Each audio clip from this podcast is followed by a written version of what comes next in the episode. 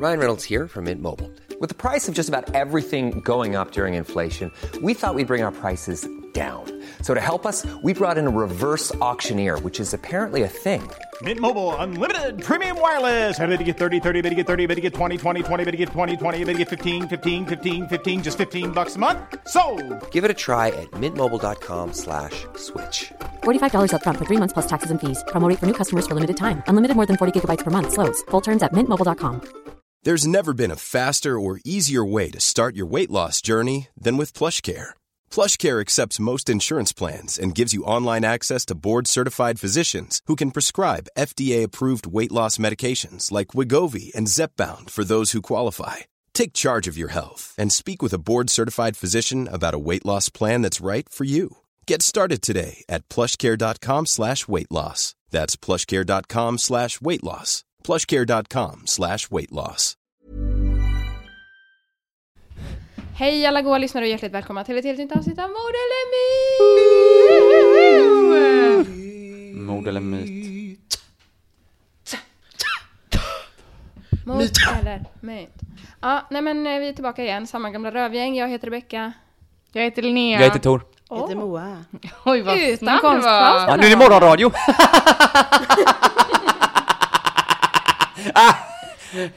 Usch vad obehaglig. Fruktansvärt. morgonradio, morgonradio, morgonradio.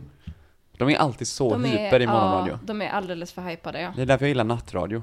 Konstpaus. Så skulle Ja. mitt nattprogram heta. Konstpaus i Så skulle det P1. bara varit en jättelång konstpaus. Tors konstpaus. Mhm. Och så skulle jag spela ett smooth jazz.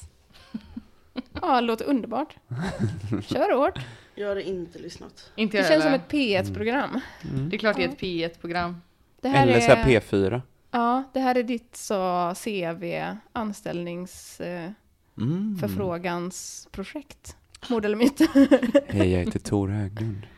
Jag önskar att få tala lite mera lyssnare mellan klockan halv två till halv fyra. Nej, jag hade redan gått Alltså och jag strypt själv. somnar. Jag hade Ja. jättegärna lyssnat på ditt radioprogram för att sova. Ja. Så känner jag. Godnatt. Nej, Så är det avslutat. jag hade titt- lyssnat på alla- det för att plåga mig själv. Ja, ja. Okej. Hur hade du Ja. avslutat? Jag hade Varje- bara så här.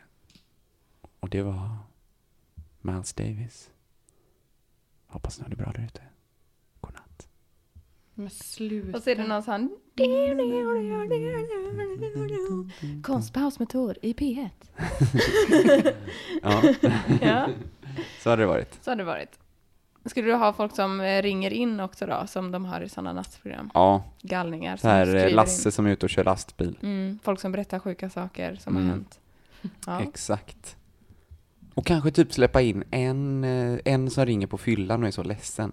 Ah, Nu är det inte roligt längre. någon som eh, Varför så kommer jag inte in? ja, precis tappat plånboken och Ja, hittar inte nycklarna. Och, och så kan jag sammanföra folk. ja, precis. Ehm, Har vi någon Charlotta annan lyssnare i Linköping som kan hjälpa Anneli? Anneli har tappat sin plånbok. Hon har röda pumps på sig.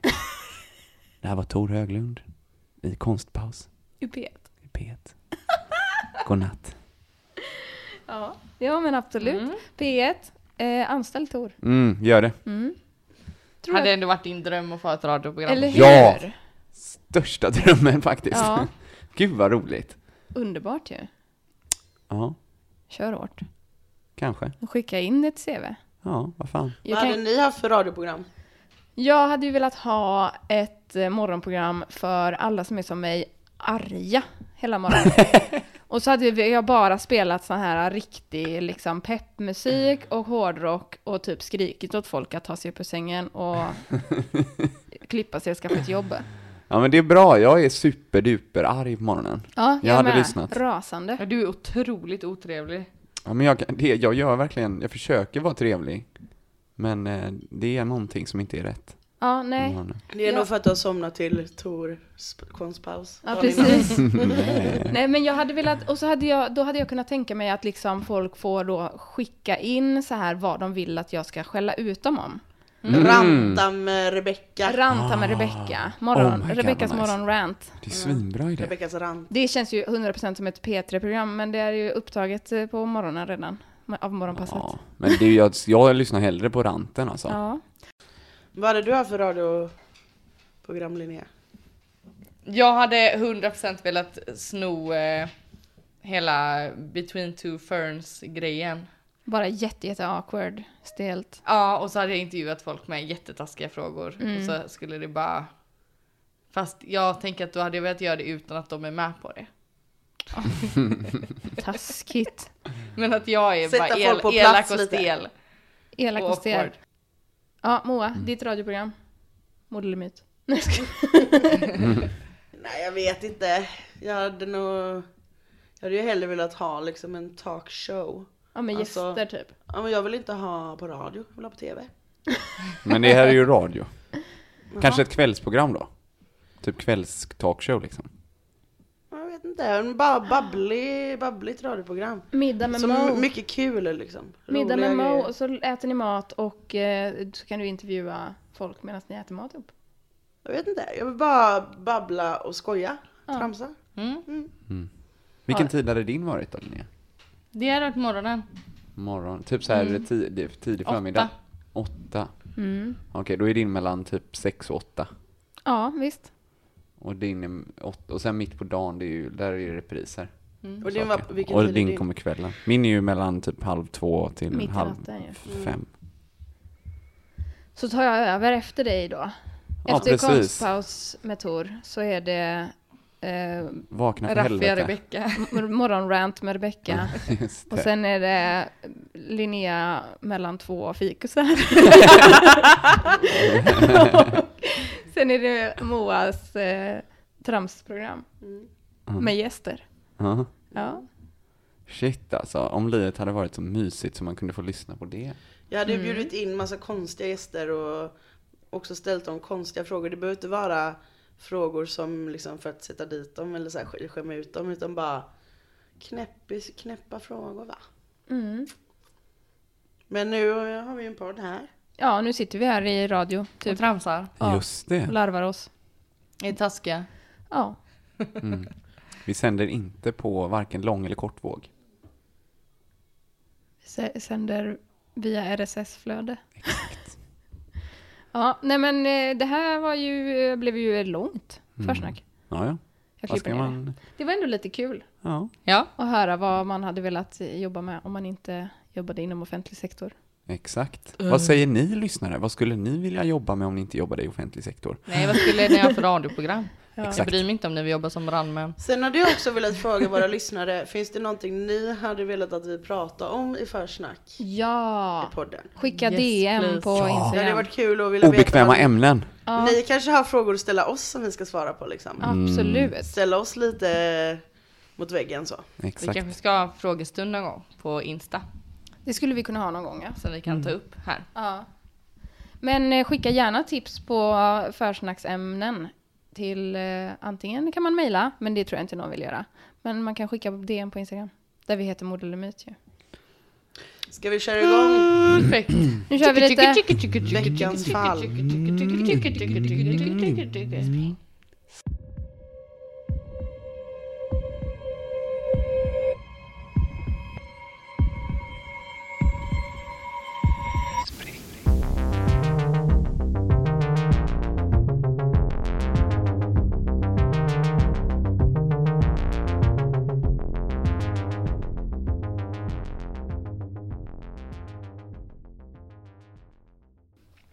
Året är, just det, eh, nej, triggervarning.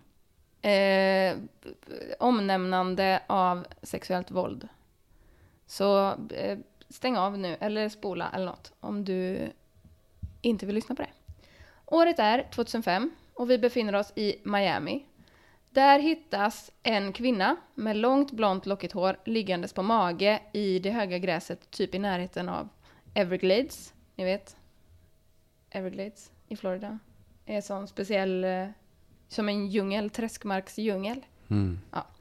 Hon hittas av en man som jobbar för ett elbolag som typ, han typ kör förbi. Eh, och så liksom ser han att shit, det ligger någon här i gräset. Och han tror ju då att han har hittat en död kropp. Men till hans stora förvåning så lever hon, men är medvetslös. Han ringer ambulans och hon flyttas med helikopter till sjukhuset där hon får vård. När hon senare vaknar eh, så minns hon väldigt lite av händelsen. Men eh, sjukhuspersonalen som har undersökt henne har redan för, förstått en hel del saker. Hon har blivit väldigt illa misshandlad, framförallt fått slag mot huvudet. Hon har blivit våldtagen och man hittar spår av sperma. Hon är väldigt rädd och förvirrad och hon talar med bruten engelska, vilket gör det lite svårt för personalen att förstå henne. Eh, den här kvinnan då, hon är 21 år gammal. Jag kommer kalla henne för Isa. Och eh, när, hon kommer från Ukraina tror jag. Eh, jag får klippa bort det för jag är inte säker. Eh, när man förhör, förhör Isa så framkommer det att hon jobbar på ett kryssningsfartyg. Men hon har skadat ett finger på jobbet och därför har hon blivit satt i hamn för att liksom läka. Och där har hon då bott i flera månader på ett hotell nära en flygplats. Och hon berättar, Isa berättar då att hon har blivit attackerad på sitt hotellrum på fjärde våningen av två eller tre män, hon minns inte riktigt. Hon minns bara bitar av så här fruktansvärda saker. Eh, hon berättar att hon har blivit itvingad en stark dryck och hon har en minnesbild av att hon har blivit buren över axeln på en av männen. Och hon minns ett trapphus och hon minns att hon har blivit våldtagen i baksätet på en bil. Fruktansvärt. Polisen sätter då igång med ett gediget arbete eh, att söka efter ledtrådar. De finkammar den här kvinnans rum på hotellet. De intervjuar personalen. De tar reda på vilka som har bott på hotellet de senaste dagarna. Men de har liksom ingenting särskilt att gå på. Ingen har varken sett eller hört något. Och Isas advokat påbörjar en stämningsansökan mot hotellet. För typ så negligence, jag vet inte vad man ska säga. O- oaktsamhet. Mm, ja, Ja. Eh, Försummelse. precis. Precis, exakt. Eh, hotellet kontaktar då en advokat som ska bestrida detta. Och hotellet tar också in en privatdetektiv, som jag kommer kalla för Bertil. Eh, han, de tar in honom för att de vill försöka bevisa att det inte är hotellets personal som har utsatt Isa för det här fruktansvärda. Utan de ska försöka liksom rentvå sig med hjälp av den här eh, privatdetektiven. Grejen är att den här kvinnan, Isas minnen är, av händelsen är så himla splittrade. Först berättar hon att hon har blivit attackerad av en man, sen tre män. Eh, först bryter de på spanska, sen på rumänska. Och man har inte tillräckligt mycket bevis för att kunna hitta vem som faktiskt är förövaren. Så det här blir ganska snabbt ett krångligt fall. Eh, hotellet har ett rejält säkerhetssystem med kameror, eh, övervakningskameror vid varje utgång. Ett stort stängsel runt hela området. Två säkerhetsvakter och låsta grindar och dörrar. De är, på nätterna i alla fall är det låst, som jag fattar det. Alla dörrar till hotellrummen har ju också sådana nyckelkort. Eh, och det finns ett system som registrerar vilket kort som används var och när. Men de har inte övervakningskameror i korridorerna. För det tycker de är liksom inkränker på den personliga integriteten typ. Så ingen borde kunna ha tagit, sig in eller ut utan att vara boende på hotellet och utan att synas på kameran. Um, utredaren, polisens utredare som är ansvarig för fallet blir liksom lite bundis då med Bertil och Bertil får tillgång till allt material. Så trots att de egentligen så företräder olika personer, för att Bertil företräder ju hotellet och polisen företräder ju offret, Isa. Så trots det så bestämmer de sig för att samarbeta liksom. För att det är ändå ja, det som är bäst eh, med fokus på att lösa brottet. Så eh, Bertil får tillgång till allt material och Bertil börjar som varje polis skulle börja med vad man vet exakt. Och man vet att dörren till kvinnans rum, Isas... åh, varför kallar jag henne kvinnan hela tiden? Eh, man vet att dörren till Isas rum öppnades med ett nyckelkort klockan 03.41. Och sen hittas Isa i det höga gräset på en annan plats eh, tidigt på morgonen. Det finns alltså en lucka på 3-4 timmar där de skulle ha utsatts för den här attacken. Men Isa har inte synts till på övervakningskamerorna. Så hur fan har hon kommit ut? Men de, ja, nej, fortsätt. Man ser Isa på övervakningskamerorna flera gånger innan hon går till sitt rum 03.41. Alltså hon är sjukt uttråkad för hon har bott där så länge verkligen. Eh, hon går ut och äter middag med en vän, hon pratar lite med personalen och andra hotellgäster. Eh, sen kommer hon hem, hon går ut igen, enligt henne själv då för att gå till en bensinmack och köpa ett telefonkort för att hon ska kunna ringa sin mamma i Ukraina. Det är där hon är ifrån. Sista gången hon syns på övervakningskameran är när hon går in i hissen i lobbyn för att åka upp till sitt rum, där vi vet att hon låser upp dörren med sitt nyckelkort 0341. Eller, vi vet ju inte att det är hon, vi vet att någon låser upp dörren till hennes rum med nyckelkortet 0341. De här övervakningskamerorna har rörelsesensorer, så de filmar liksom inte hela tiden kontinuerligt. Och polis, alltså förlåt mig, men det här är lite komiskt. Polisen försöker lura kamerorna. För de ska testa så här, finns det ens en möjlighet att man kan gå förbi och att den inte registrerar den? Så de testar att gå jättelångsamt. de testar att gå jätte, jättefort. De testar att gå längs med eh, väggen. Men eh, kamerorna är i toppenskick, så de registrerar allt det här. Och så ser, är det bara någon polis som ser sina kollegor så kuta förbi. Går jättelångsamt och ser väldigt roligt ut. Jättekul. Ehm, så då, de vet ju då att eh, förövaren måste ju finnas på kameran på något sätt. Eller det misstänker man i alla fall. Eh, Bertil, privatdetektiven, har lite olika teorier. Han tänker att någon kanske kan ha hissat ner den medvetslösa kvinnan Isa från fönstret i hennes rum. Och liksom firat ner henne på något sätt. Men den här teorin lägger han snart ner, för dels så ser man inga tecken på Isas kropp, att hon varken har blivit kastad ut genom fönstret eller nerfirad med rep. Och Bertil är också tillräckligt smart för att förstå att sexualbrottslingar sällan är så koordinerade att de tänker ut en så detaljerad plan. Eh, en annan teori han har är förklädnader. Väldigt så Sherlock Holmes-ish. Så han, Bertil studerar noggrant de här filmerna från övervakningskamerorna. Och eh, han hittar ingenting som verkar misstänkt. Han hittar liksom ingen bild som skulle kunna stämma överens med Isa. Eh, däremot så hittar han en man som rör sig i hotellet ungefär samtidigt som Isa gör. När hon eh, är på väg upp till sitt rum 0341. Det är en man som står i hissen tillsammans med Isa när hon är på väg till rummet. De småpratar och knappt två timmar senare, klockan 5.28, 05.28, syns samme man gå ut från hotellet med en resväska på hjul. Sen kommer han tillbaka till hotellet ungefär en timme senare utan väskan. Och Bertil tittar noga på övervakningsfilmerna. Det finns en liten detalj som övertygar honom om att eh, Isa är i väskan. Eh, för när den här mannen kliver ut ur hissen så fastnar liksom väskans hjul i mellanrummet mellan hissen och golvet. Men bara för en sekund. Men när han ser den här mannen liksom rycka lite i väskan så förstår Bertil att den är tung. Så han är övertygad om att han har hittat förövaren. Men det är en sak som stör Bertil. Dels, eller det är två saker som stör Bertil.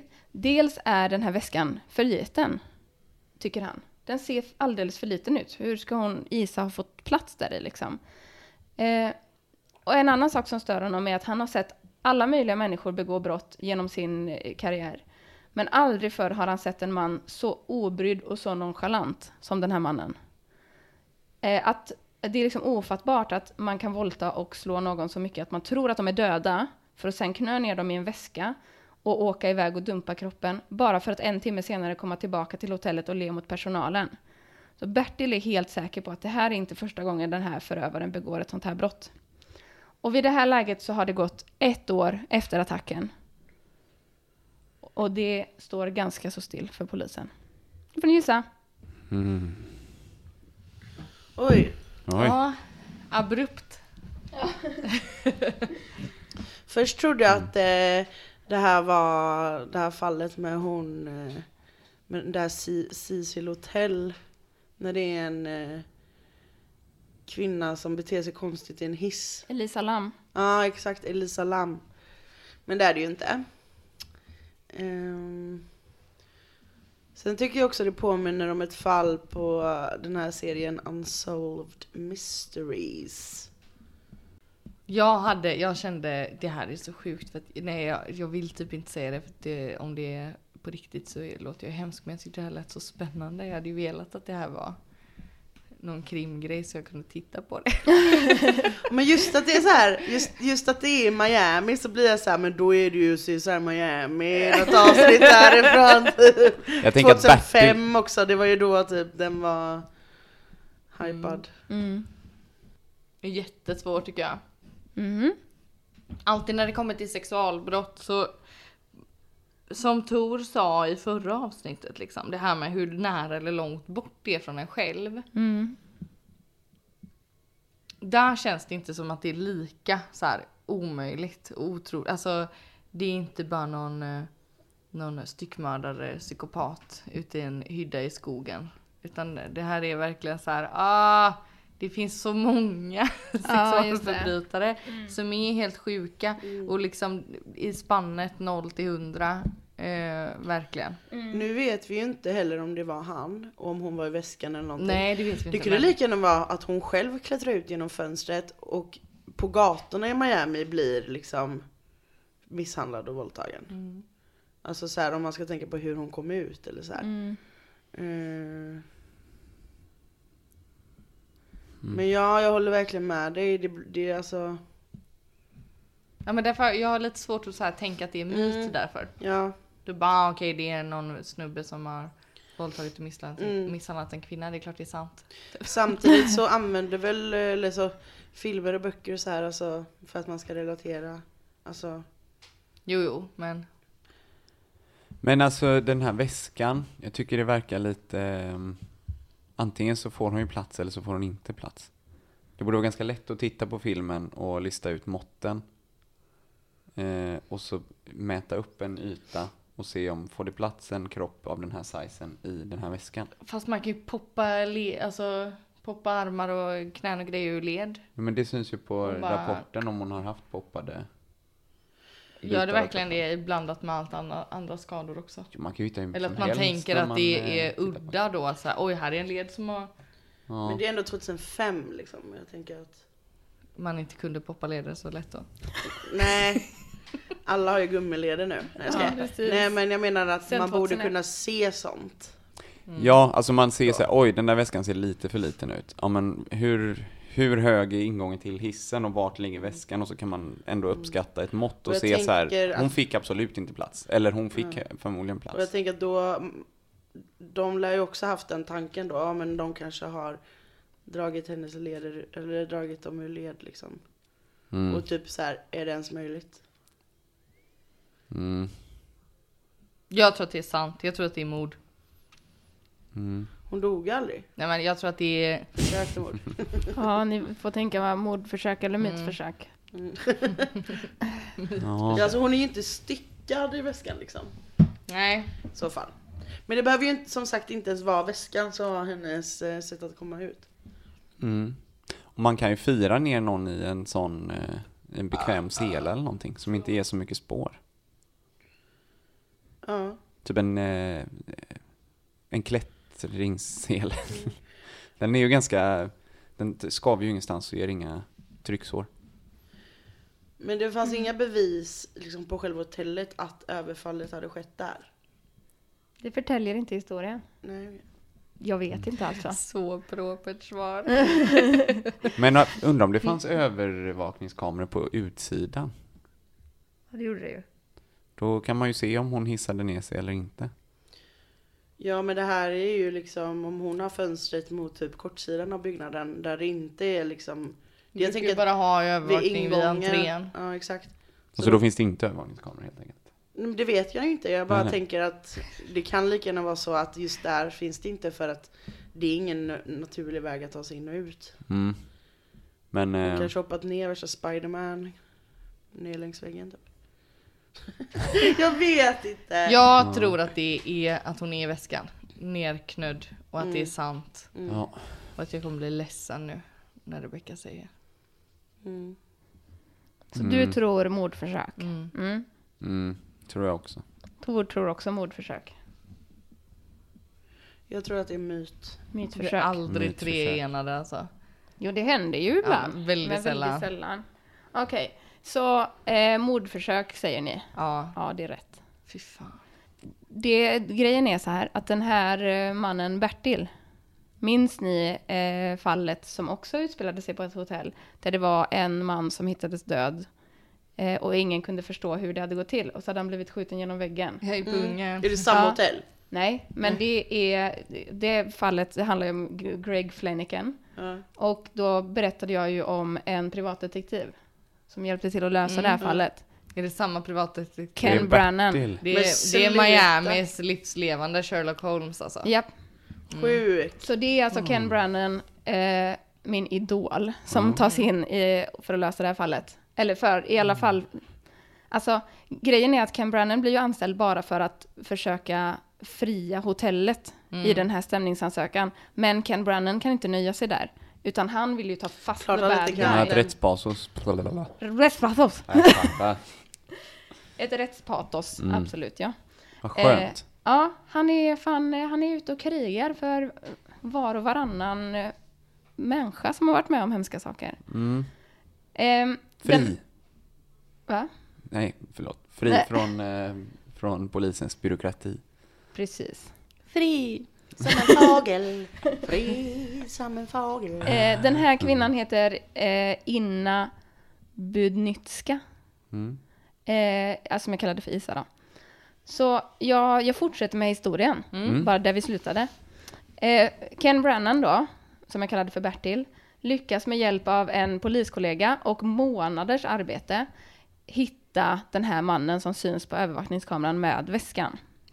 Han heter Mike Jones, vilket ju inte är helt, ett helt ovanligt namn. Så det är fortfarande svårt för eh, Brannan. Eh, men när eh, Ken Brannan då kollar hotellets loggar så ser han att det är en Michael Lee Jones som har checkat in typ en vecka innan attacken och checkat ut dagen efter att attacken har skett. Och eh, det är ju den här mannen Mike Jones som syns på övervakningsfilmen. Han är väldigt stor. Han är en stor man. Så väskan är inte så liten. Mm. Det är bara det att han är väldigt stor. Så du, had, du var inte fel ute med att de sen kollar på filmen och kan avgöra hur stor väskan är och inser att det kan få plats en kropp där i liksom. Mm.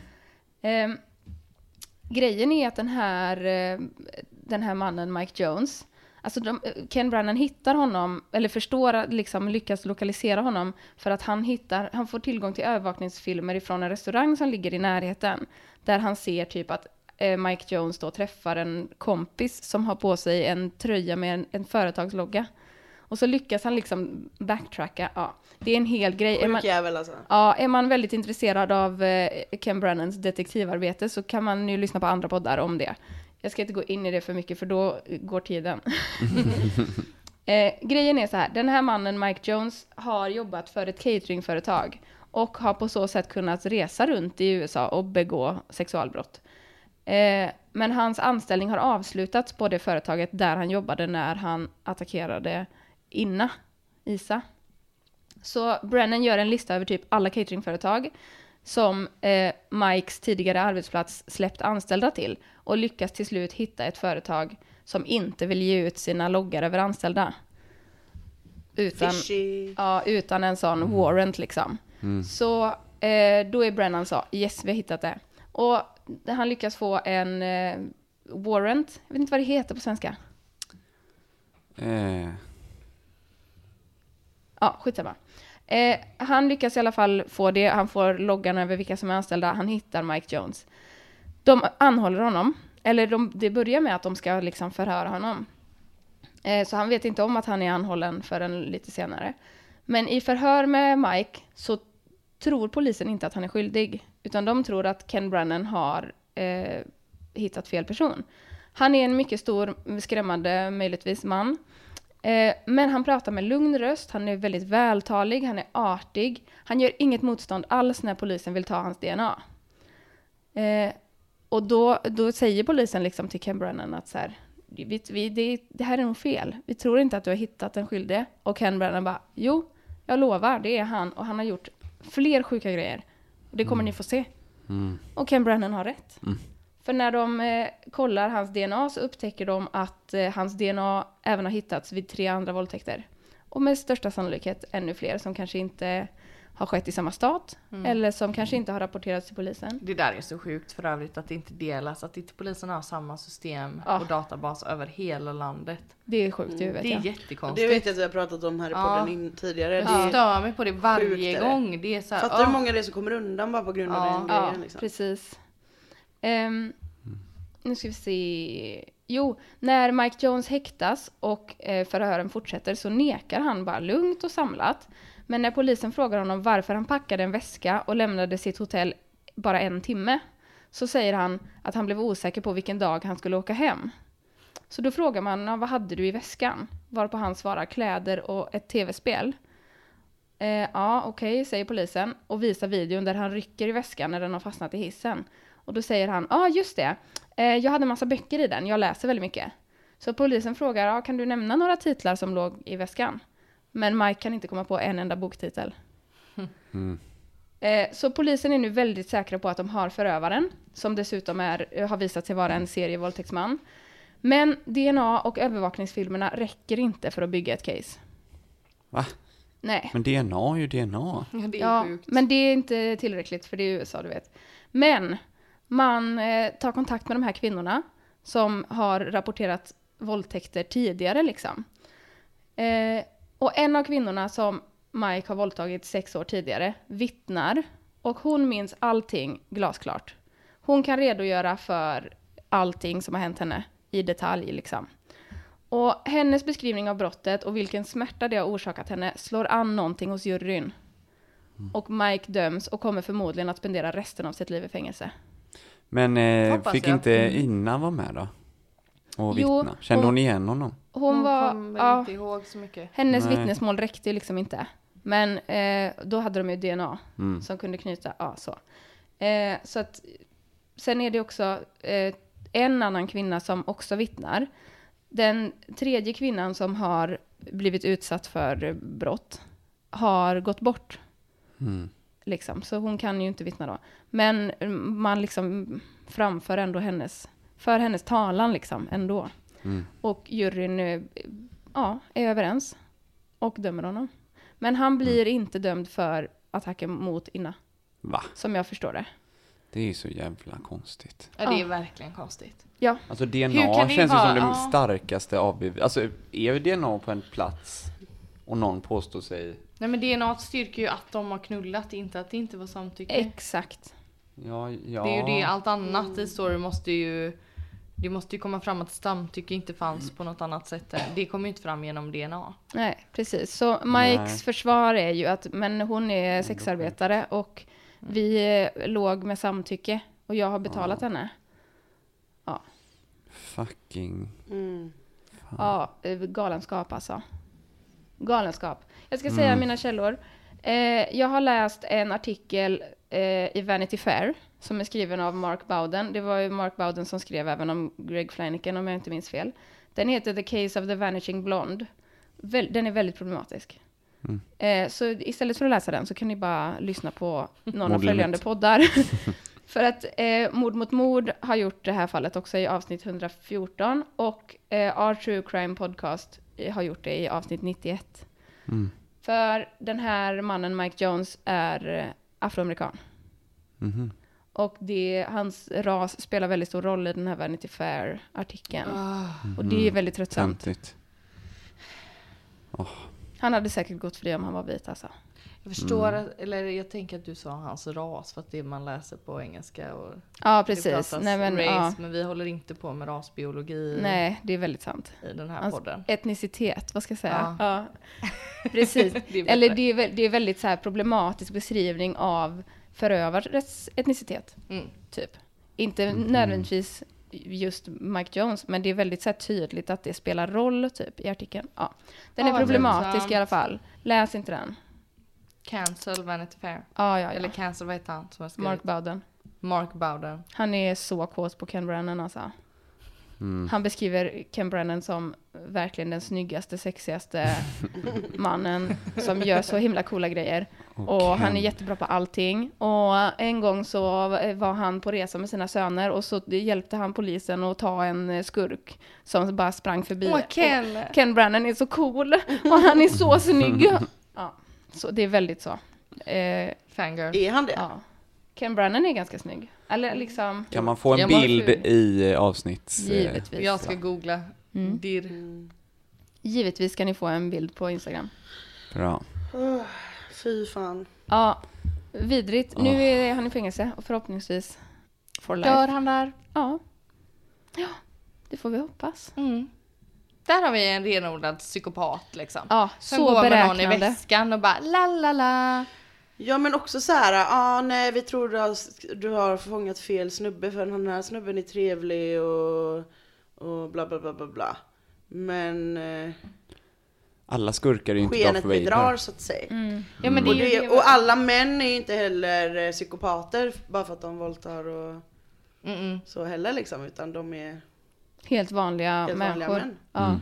Ja men det är ju det som är att det är inte, det är inte någon uh, tunnhårig gubbe med trenchcoat och mustasch som lurar i busken som våldtar. Nej, det är en helt Liksom. vanlig Det är de vanliga, trevliga, charmiga, härliga De flesta våldtäkterna sker ju i hemmet Ja. med folk man eh, känner och i relation med. älskar liksom. Ja, visst, exakt. Ugh, Fruktansvärt. fy fan. Men jag måste ändå säga att jag eh, är väldigt glad att det var ett eh, mordförsök och inte ett verkligt Mhm, mord. Liksom. verkligen. Eller renodlat mord. En av fyra. Senaste. Unga flickor. Ville bara få in det. Senaste En av fyra. En av Ja. fyra. Mm. Har utsatts för sexualbrott. Ja. Mm. Mm. Gud, hemskt det är. Nej, Ja, Men alltså jag blir så arg. Och nu pratar vi gymnasieungdomar gjorde som man där på 16 till 18 år. fy fasen. En av fyra. Redan där. Ja. Innan man har tagit studenten. Mm. Och ändå ska det krävas så jävla mycket att ta fast förövaren. I Inte ens. DNA räcker till liksom. Nej. Men det här var i Sverige. Ja jag vet men Statistiken. Jo. Jag vet inte vad den är i USA. nej, Nej, nej, men jag menar det krävs ju mycket här med Ja, ja, för ja. att kunna få, det. få det gå igenom liksom. Man måste, man blir ständigt ifrågasatt som offer. Ja, Det är exakt. fruktansvärt. Nej, Bajs är det. Bajs. vi behöver avsluta nu för jag blir för Mm, arg. jag blir också, Ja. ska jag googla på Canberra. Ja, gör det. Mm. Vi kanske skulle göra någon slags... Eh, jag, jag funderar på om vi skulle göra någon slags insamling till typ så kvinna till kvinna eller någon eh, kvinnojourerna eller någonting. Vi kanske skulle dela någon slags... Eh, Vi gör det när vi har lite fler lyssnare så att vi får in ännu mer pengar. ja, Mm. Så tipsa vidare om podden om inte annat av den anledningen. precis. Och följ oss på typ Insta för det är ju förmodligen där det kommer eh, skrivas ut hur man kan skänka pengar. Ja. Mm. Vi kanske lägger en liten blänkare om, eller en länk i avsnittsbeskrivningen. Mm, kan man göra. God idé. Ja. Ja, nej Tack men för den här veckan. tack Mm. för det här hemska. Mm, fuck you Rebecca. Ja, jag vet. Fan. Som vanligt. Det är historier som måste berättas. Nej, tycker om dig men tycker Ja. inte om våldtäkt. Nej, det är ju inte jag heller. Nej. Fuck Mike Jones. Mm. Tack så mycket Ken Brannan. Mm. Missa nu inte Rebecca Rantar och eh, Konstpaus med Tor. Konstpaus med Tor Och Linnea mellan två fikisar. och Och Moa. Moa. Middag med Moa. Exakt. Moas middag med Moa. Så ledsamt. Det är jag som äter med mig Du själv. intervjuar dig själv så här. Ja. Spelar in två stycken snuttar och klipper ihop. Ja, gör det. Youtube-serie kommer Ja. snart. Ja. I en, eh, I en eh, dator nära dig. Mm. Moas mysiga mos. Okej, Puss och kram. Hejdå. Hejdå. Love you, bye. bye.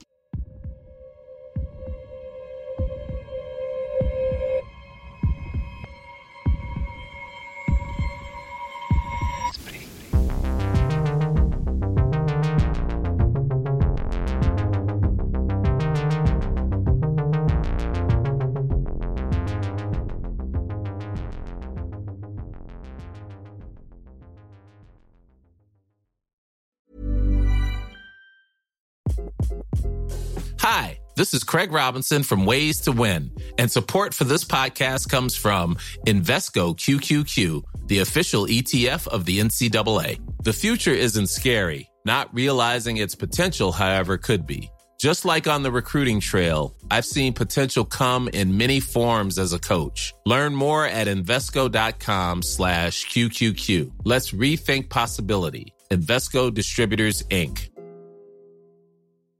Hey, it's Paige DeSorbo from Giggly Squad. High quality fashion without the price tag. Say hello to Quince. I'm snagging high-end essentials like cozy cashmere sweaters, sleek leather jackets, fine jewelry, and so much more. With Quince being 50 to 80% less than similar brands.